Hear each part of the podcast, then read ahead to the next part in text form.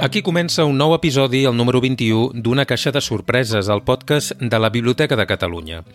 Avui ens fixarem en la fotografia, en els seus diferents formats i tècniques i com aquestes estan representades en els fons de la nostra biblioteca.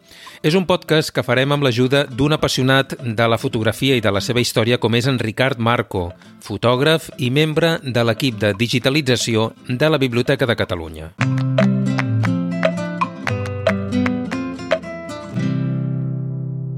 Una caixa de sorpreses, el podcast de la Biblioteca de Catalunya.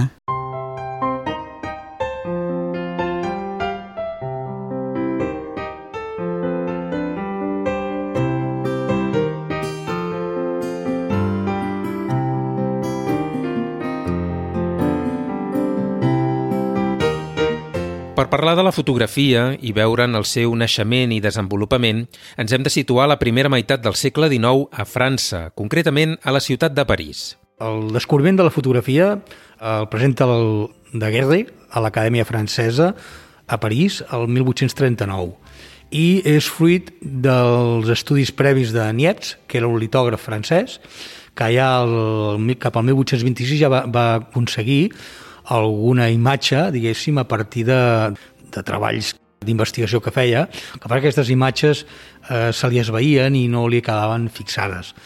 Ell era litògraf i aleshores perseguia, o en general tots els de l'època, el que els interessava era aconseguir imatges fixes que eh, substituïssin una mica el, el que fins aleshores s'havia fet amb, amb el dibuix.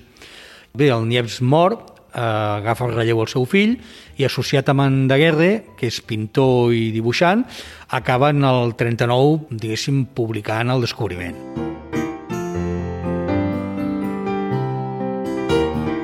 A partir d'aquí, la fotografia comença a incorporar-se bàsicament en el món científic, els metges eh, i, i els investigadors la comencen a utilitzar i l'interès per reproduir en paper doncs també eh, substituir doncs, el que era dibuix o la litografia per tècniques, diguéssim, de fotomecàniques o, o no, que el procediment fotogràfic estigués inclòs. D'aquesta etapa inicial de la història de la fotografia, a la Biblioteca de Catalunya en tenim algun testimoni, en format de llibre. Les primeres coses que es fan, per exemple, aquí a la Biblioteca de Catalunya tenim un llibre que el va impulsar en Pi Margall, és un llibre que es diu eh, Espanya pintoresca, el volum 1 de Catalunya, de 1842, i eh, està fet amb, a partir d'imatges de daguerrotip, que el daguerrotip és aquesta primera fotografia, diguéssim, aquest primer suport, que és una placa de coure platejada, i eh, és una imatge única, o sigui, no és, no és un procediment negatiu còpia, sinó que és una imatge única sobre un suport metàl·lic, i aquest procediment ja s'utilitza l'any 42 per publicar un llibre de vistes de Catalunya. El daguerrotip va suposar l'inici de la història de la fotografia, però també tenia alguna part negativa. Pensem també que els primers daguerrotipistes feien servir per revelar les plaques mercuri, vapors de mercuri, molts d'ells van acabar en llocs tancats de malalties mentals i altres malalties degut a, a l'enveneniment de la sang per culpa d'aquests tractaments. Per a poder veure l'ús habitual de la fotografia en publicacions, com ara revistes, haurem d'esperar uns quants anys. No és fins a la dècada del 1880 que ja comencen a haver les primeres eh, revistes gràfiques. La tècnica del fotogravat, etc i la fototípia doncs, comença a desenvolupar-se i eh, comença a utilitzar-se de forma habitual ja la, la fotografia.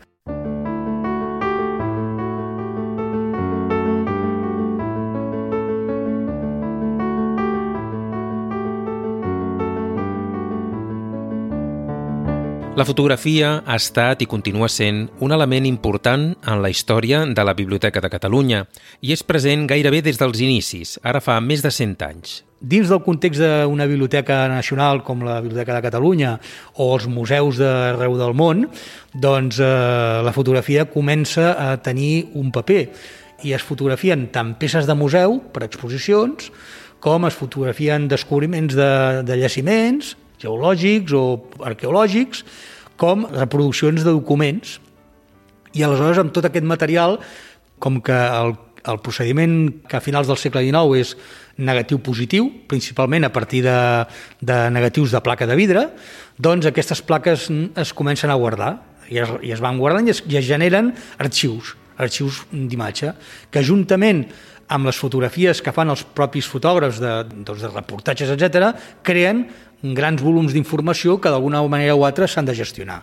I una miqueta aquí és on estem amb, amb els inicis de la fotografia a la Biblioteca de Catalunya. En Ricard Marco recorda com la fotografia va entrar a formar part dels fons de la Biblioteca de Catalunya i destaca la figura dels primers fotògrafs. La Biblioteca de Catalunya eh, es crea el 1907 al Palau de la, de la Generalitat i l'any 14 ja és, ja és un servei públic eh, que depèn de la Diputació de, de Barcelona i la Diputació té molts serveis que requereixen treballs fotogràfics i aleshores hi ha una sèrie de, de fotògrafs freelance que treballen per ordre de la Diputació, bé sigui per museus, bé sigui per biblioteques, bé sigui per diferents estaments i llocs. No?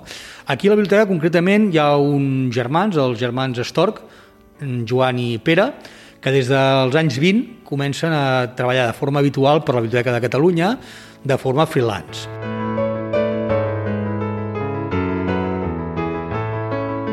Quan la Biblioteca de Catalunya es trasllada a la seu de l'antic hospital de la Santa Creu, que és on estem ubicats en aquests moments, doncs eh, als anys 40, el que llavors era el director Mateu Llopis, té molt d'interès en crear un departament de fotografia propi que doni servei a la biblioteca i també a altres departaments de la, de la Diputació. De manera que eh, compra equipament, ajudat d'aquests germans eh, Stork, i l'any 43 un d'aquests germans acaba sent contractat de forma habitual, diguéssim, amb un contracte de serveis, a les ordres de, de la biblioteca i en aquí es crea un petit laboratori amb equips propis del fotògraf i altres comprats per la biblioteca. Això funciona fins als anys 50 aproximadament i des del 23 fins al 50 això ho custodia el Departament de Gravats i Estampes de la, de la biblioteca fins que a partir dels anys 50 ja es crea un servei de reprografia pròpiament dit. Aquest servei de reprografia, amb el pas dels anys, va anar acumulant tot un seguit de material de reproducció, alhora que s'anaven desenvolupant noves tècniques i formats més petits i amb major capacitat. A finals dels 50 ja es compra una microfilmadora que permet, diguéssim, reduir el tamany dels, de les imatges amb, amb un suport, diguéssim, de pel·lícula de 35 mil·límetres. També hi ha altres llocs, principalment als Estats Units, que es treballa més amb la microfitxa, eh, que seria un, un full, de, un full diguéssim, de 10 per 15 aproximadament, de material sensible, doncs que dins hi ha moltes imatges que estan contingudes. Aquí més aviat s'utilitza el que seria la microfitxa, que és una, és una pel·lícula com la de cinema, una bobina de 30 metres que conté imatges. Paral·lelament, es crea un fons amb documents microfilmats provinents d'altres llocs i institucions. La biblioteca, per exemple, va i demana microfilm de llibres, eh, manuscrits i documents antics catalans que estan eh, ubicats en altres biblioteques, ja sigui a Berlín, París, Madrid o altres llocs. Uns anys més tard, cap a la dècada de 1960, s'incorporaran també les fotocòpies, que originàriament es deien xerocòpies, perquè les feia la casa Rang Xerox.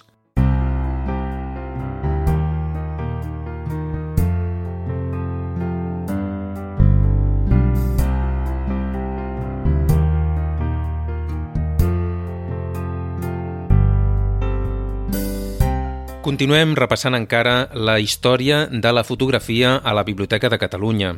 Fa un moment, en Ricard Marco ens explicava l'evolució que van anar tenint els diferents formats fotogràfics de reproducció dins la biblioteca.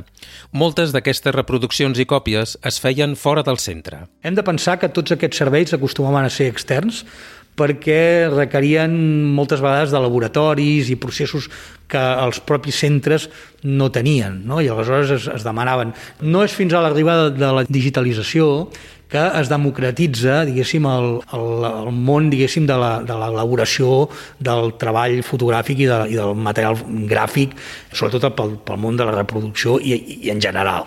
Aleshores, aquests serveis, diguéssim, que requerien equipaments, moltes vegades eren exterioritzats.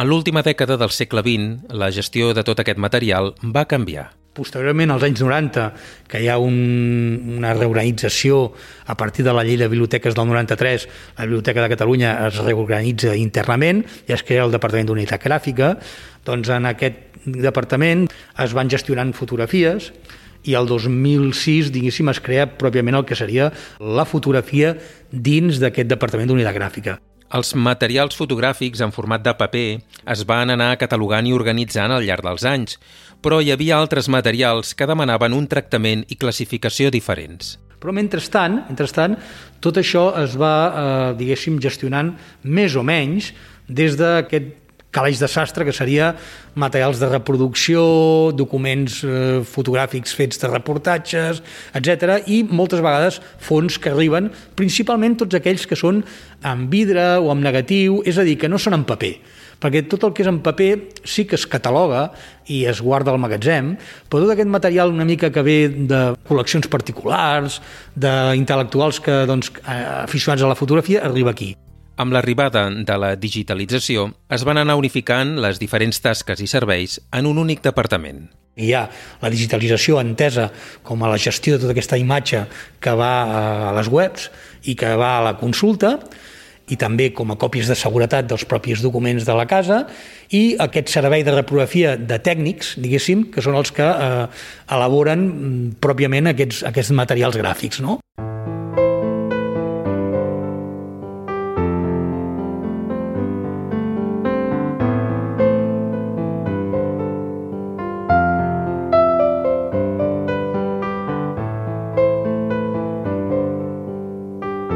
El fons de fotografia de la Biblioteca de Catalunya és enorme. En Ricard Marco ens en dona detalls. Durant tot aquest temps, d'un cantó d'un altre, han anat arribant materials de molta diversa índole. I a la Biblioteca de Catalunya avui dia, que ja es va parlar en el seu moment, la Maria Mercè Riera, que és la responsable de la fotografia dins d'unitat gràfica, ja en va parlar, estem al voltant de 300, uns 350.000 documents gràfics molts gestionats des de gràfica, des de la unitat gràfica, altres que estan en alguns fons personals distribuïts per la casa, sigui la, sigui la secció de manuscrits, la secció de música, etc. i alguna cosa que encara queda en la pròpia digitalització, bàsicament a les fotografies de reportatges fotogràfics que es fan a la casa. Dins d'aquest últim àmbit, el del reportatge fotogràfic de l'activitat de la biblioteca, les xifres són prou importants. Estaríem parlant d'unes 15.000 fotografies amb analògiques, fetes entre els anys 90 fins als 2000 i escaig, i a partir del 2003-2004 cap aquí, doncs eh, unes 25.000 més imatges en digital. Estaríem parlant de que el que és digitalització digitalització, diguéssim, barra reprografia, eh, aquesta, aquesta unió de, do, de dos, aquesta secció tindria al voltant d'unes 40.000 fotografies de la vida quotidiana, diguéssim, de, de la casa. Si fem un cop d'ull als diferents formats que hi ha hagut al llarg de la història de la fotografia, trobarem que a la Biblioteca de Catalunya tenim mostres, exemples, dels més importants. Té des dels documents més primaris, com són els daguerrotips, fins a lo més modern que seria la, el, el món digital. I en aquest aspecte estaria pràcticament representat tots aquells procediments fotogràfics que han hagut al llarg de la història. Arribats a aquest punt, li demano al Ricard Marco, si us plau, que ens faci una repassada ràpida a aquests diferents formats. El daguerrotip ja ho hem dit que és una placa de, de coure platejada que acaba més o menys a la dècada dels anys 1860, més o menys mm, comença a desaparèixer, s'incorpora el ferrotip, que seria un material, diguem-ne, una mica més pobre, diguéssim, però no deixa de ser també una fotografia única, que no té negatiu, sinó que la imatge ja s'impressiona directament sobre un, un ferro. Uh, això és un procediment que, que dura fins a principis dels anys 20. En els fotomatons, per exemple, s'utilitzaven abans de, de ser una tira de paper s'utilitzava una tira de metall de ferro molt primet, d'aquest ferro, diguéssim, tou que es pot rebregar, diguem-ne, i sortien fotografies de les persones amb, amb ferro, no?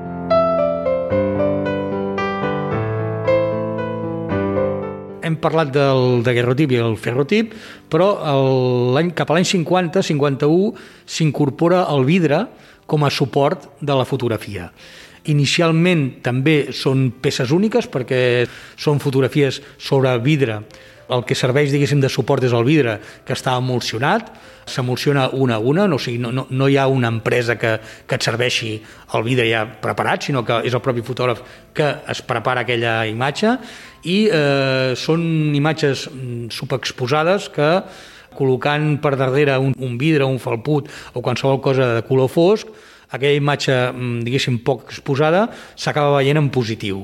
I aleshores mm, això habitualment es presenta encapsulada, eh, emmarcadeta, com si sigués una fotografia d'aquestes de record, eh, com, com els antics dibuixets, pinturetes que la gent tenia a casa, diguéssim, de retrats, doncs s'acostuma a servir així.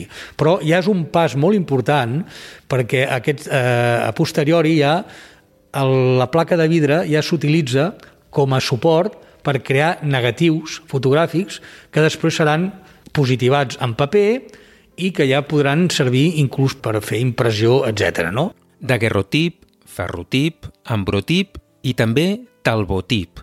En l'època del daguerrotip hi ha un invent que és el talbotip, del Talbot, de un, un invent anglès, que és un procediment que consisteix en, en crear un negatiu en paper i d'aquest negatiu en paper fer un positiu.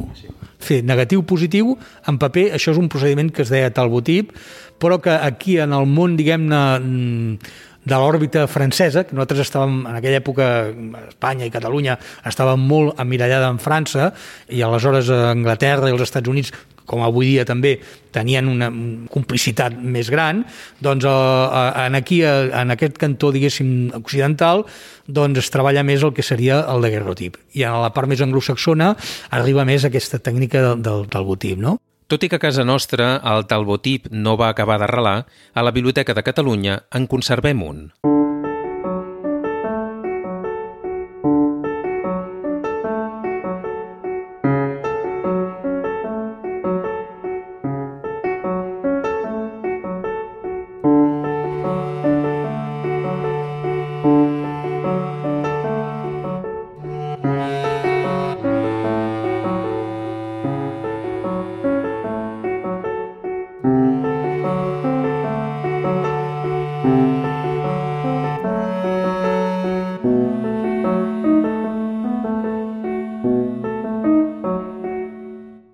pregunto al Ricard Marco quin és el format fotogràfic amb més presència a la Biblioteca de Catalunya si parlem de fotografia del segle XIX. Doncs la placa de vidre, tenim uns negatius de 30 per 40 de grans d'en Pau Eduard, enormes, o sigui, imagineu-vos quina càmera lo gran que seria perquè tingui un negatiu tan gran com un 30-40 centímetres, que es, es positivaven en àlbums fotogràfics per contacte, o sigui, no hi havia una ampliadora, perquè ja era tan gran el negatiu que no feia falta ampliar la imatge, per tant, era un, un contacte directe i es feia una impressió en paper. I llavors es feien àlbums de fotografia, a, mm, diguéssim que són una mica previs a la, a la impressió d'imatge en, en llibre o en revista, no? Un dels procediments més habituals per treure'n còpies a partir d'aquests negatius era a través de la tècnica que s'anomenava de còpia a l'albúmina. Va ser un procediment que neix cap al l'últim quart de segle XIX i es va esveint a mesura que s'acosta al 1900.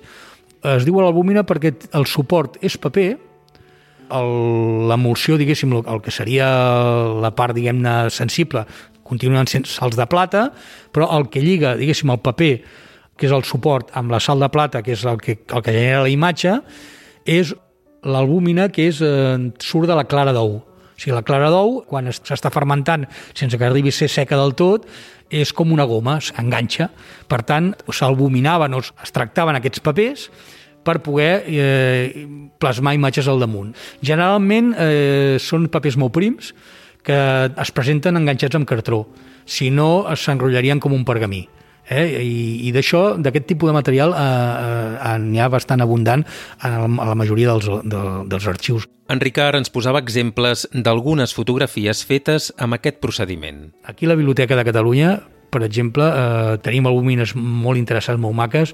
Una, per exemple, que és del, del Manuel Moliner, que és un dels primers eh, daguerrotipistes catalans, que treballava amb el seu cunyat, l'Alvareda, Rafael Alvareda, i filmaven Moliner i Alvareda. És una fotografia del monument a la pau de, de la finalització de, la, de les guerres carlines, en, crec que l'any 74, crec que és, que es va muntar un monument a la plaça Palau, on actualment està Colón, i era un monument efímer, es va fer amb restes de la guerra, i era un monument que va durar pocs dies, però aquests fotògrafs el van fotografiar, per tant tenim un testimoni de que aquell monument va existir, a més a més actualment dona nom a la plaça, no? plaça de la Pau, el portal de la Pau, millor dit. I, per exemple, hi ha una fotografia molt interessant del segon submarí de l'Itineu, del Montoriol, que també la tenim, o albúmines pintades eh, amb aquarela, hi ha una imatge molt interessant dels anys 50 del Crystal Palace, feta per o sigui, el litògraf o, o gravador Padró, que no era fotògraf, però doncs, també els gravadors doncs, feien foto, i tenim materials d'aquests, diguéssim, curiosos.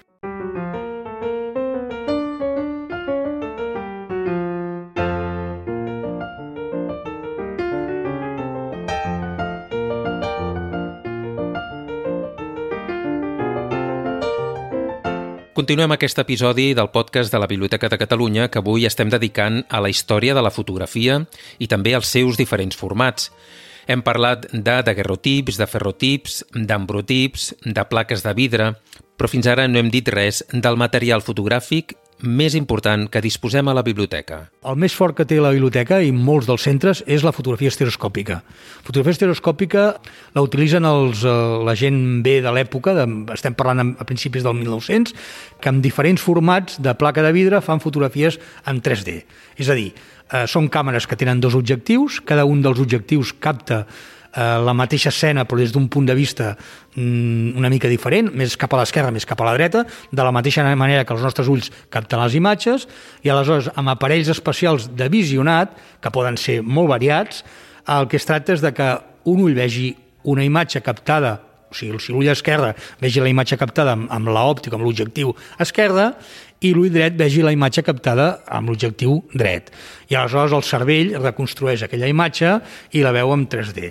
D'això és un tipus de material que mm, n'hi ha molt i a la Biblioteca de Catalunya potser estaríem parlant que potser un 20% aproximadament del material fotogràfic que hi ha a la casa és propi d'aquesta època i d'aquest material.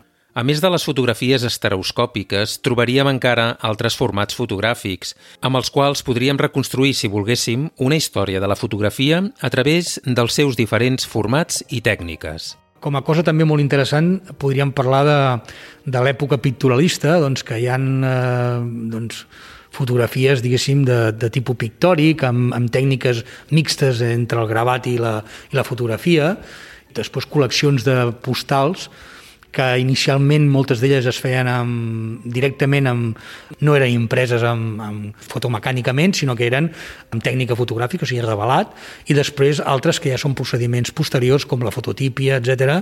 I mm, d'alguna manera podríem arribar a fer tota la història, diguéssim, des del naixement de la fotografia fins a les últimes tècniques de la impressió del gravat, estarien totalment representades a la, a la casa.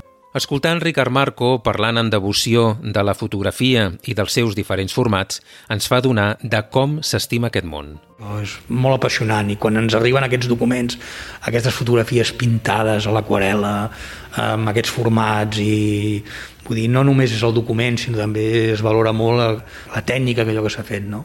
Una cosa interessant, que segurament molta gent no sap, és que a la Biblioteca de Catalunya disposem també de diferents aparells i estris relacionats amb la fotografia. A mesura que han anat passant els anys, eh, ens han arribat de donacions i bé sigui col·leccions ja concretes, especialment de fotografia, o materials fotogràfics que han arribat d'intel·lectuals que han donat doncs, la seva biblioteca o els seus documents d'arxiu, doncs han vingut acompanyats de fons fotogràfics i és cert que tenim mm, també alguns estris i alguns equipaments dels quals a digitalització n'estem fent un inventari i un, el que en podríem dir una, una petita col·lecció que conjuntament amb les diferents càmeres que s'han fet servir a la casa doncs ho estem, diguéssim, unificant, no? Hi ha, però, un aparell històric que ja no és a la biblioteca, sinó a Terrassa. També és cert que l'antiga màquina de microfilmació que hi havia a la casa, que el 2003 va deixar de funcionar, es va enviar al Museu de la Ciència de la Tècnica de Terrassa perquè la poguessin guardar i aleshores doncs bé, eh, estem contribuint també una mica amb guardant aquests materials una mica a la història de la fotografia.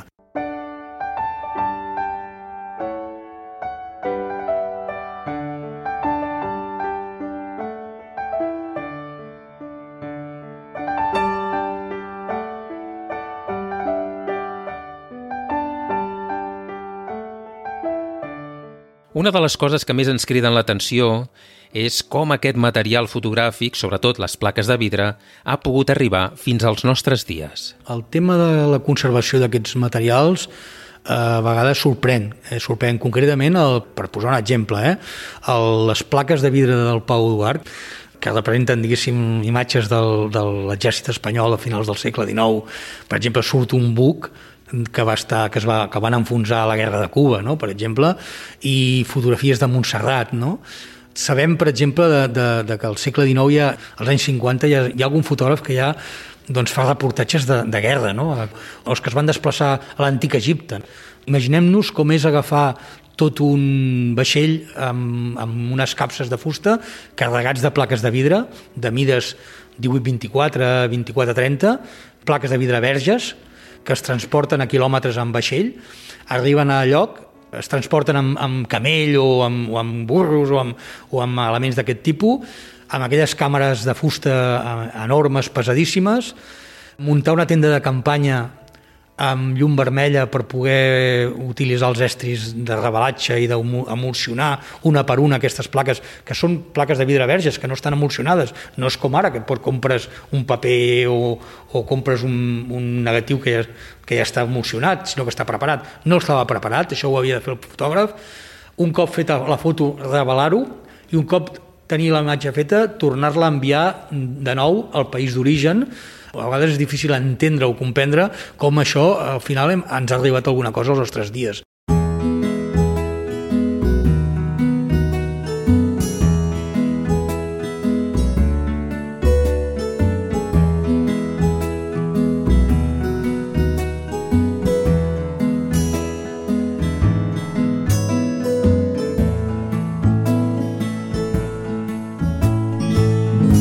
Fins aquí l'episodi número 21 d'Una caixa de sorpreses, al podcast de la Biblioteca de Catalunya.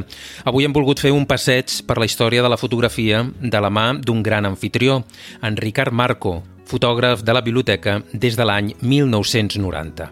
Si vols saber més coses sobre la presència de la fotografia a la biblioteca, t'hem deixat uns quants enllaços en l'apartat del podcast del nostre web, que pensem que et poden interessar. Els trobaràs a bnc.cat barra podcast. I si vols contactar amb nosaltres, ho pots fer per correu electrònic a podcast arroba bnc.cat. Moltes gràcies per haver arribat fins aquí i fins al pròxim podcast.